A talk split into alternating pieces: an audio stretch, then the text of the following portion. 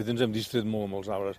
Sempre mirem la part aèria, eh? i com diem un arbre és el que veiem, però sovintment la part subterrània, la part de les arrels, és tan o més gran que la part aèria. Llavors, té un sistema de fungs que són les micorrizes, que és una simbiosi. I llavors això és molt important perquè gràcies a aquesta estructura ells capturen la matèria orgànica, els nutrients i connecten entre ells. Fins i tot hem vist coses per aquí, eh? Amb l'avet de Douglas, que és un avet molt plantat en aquesta zona de Viladrau, Espinalbes, Arbúcies.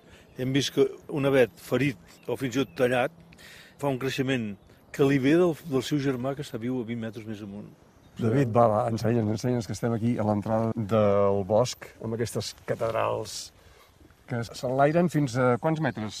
Quines alçades us han agafat els arbres que tenim al davant?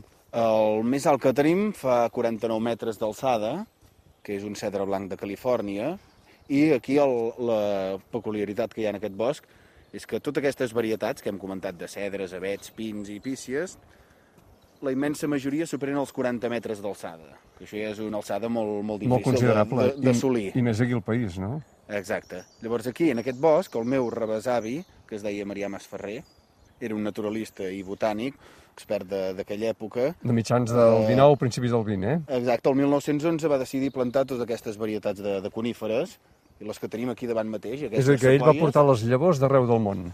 Sí, sí, sí. Algunes sí que va viatjar al lloc d'origen, com serien aquestes sequoies que tenim aquí davant, la sequoia roja, la sequoia gegant, els cedres de Califòrnia. Ell va poder fer un viatge a Califòrnia. I bé, va portar totes les llavors i totes les espècies que va poder, i com podem veure aquí en aquest espai s'han adaptat especialment bé.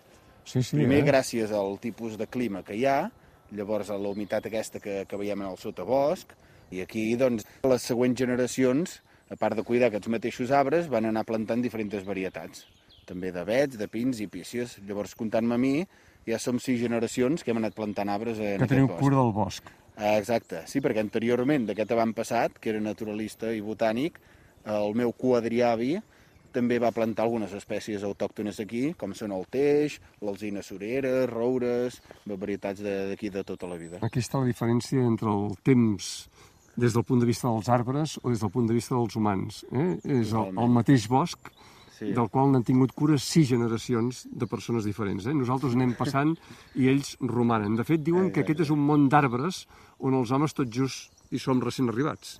I tant, i tant. eh? De fet, nosaltres, la nostra família, aquests arbres, els tenim d'alguna manera com les nostres mascotes. Calla,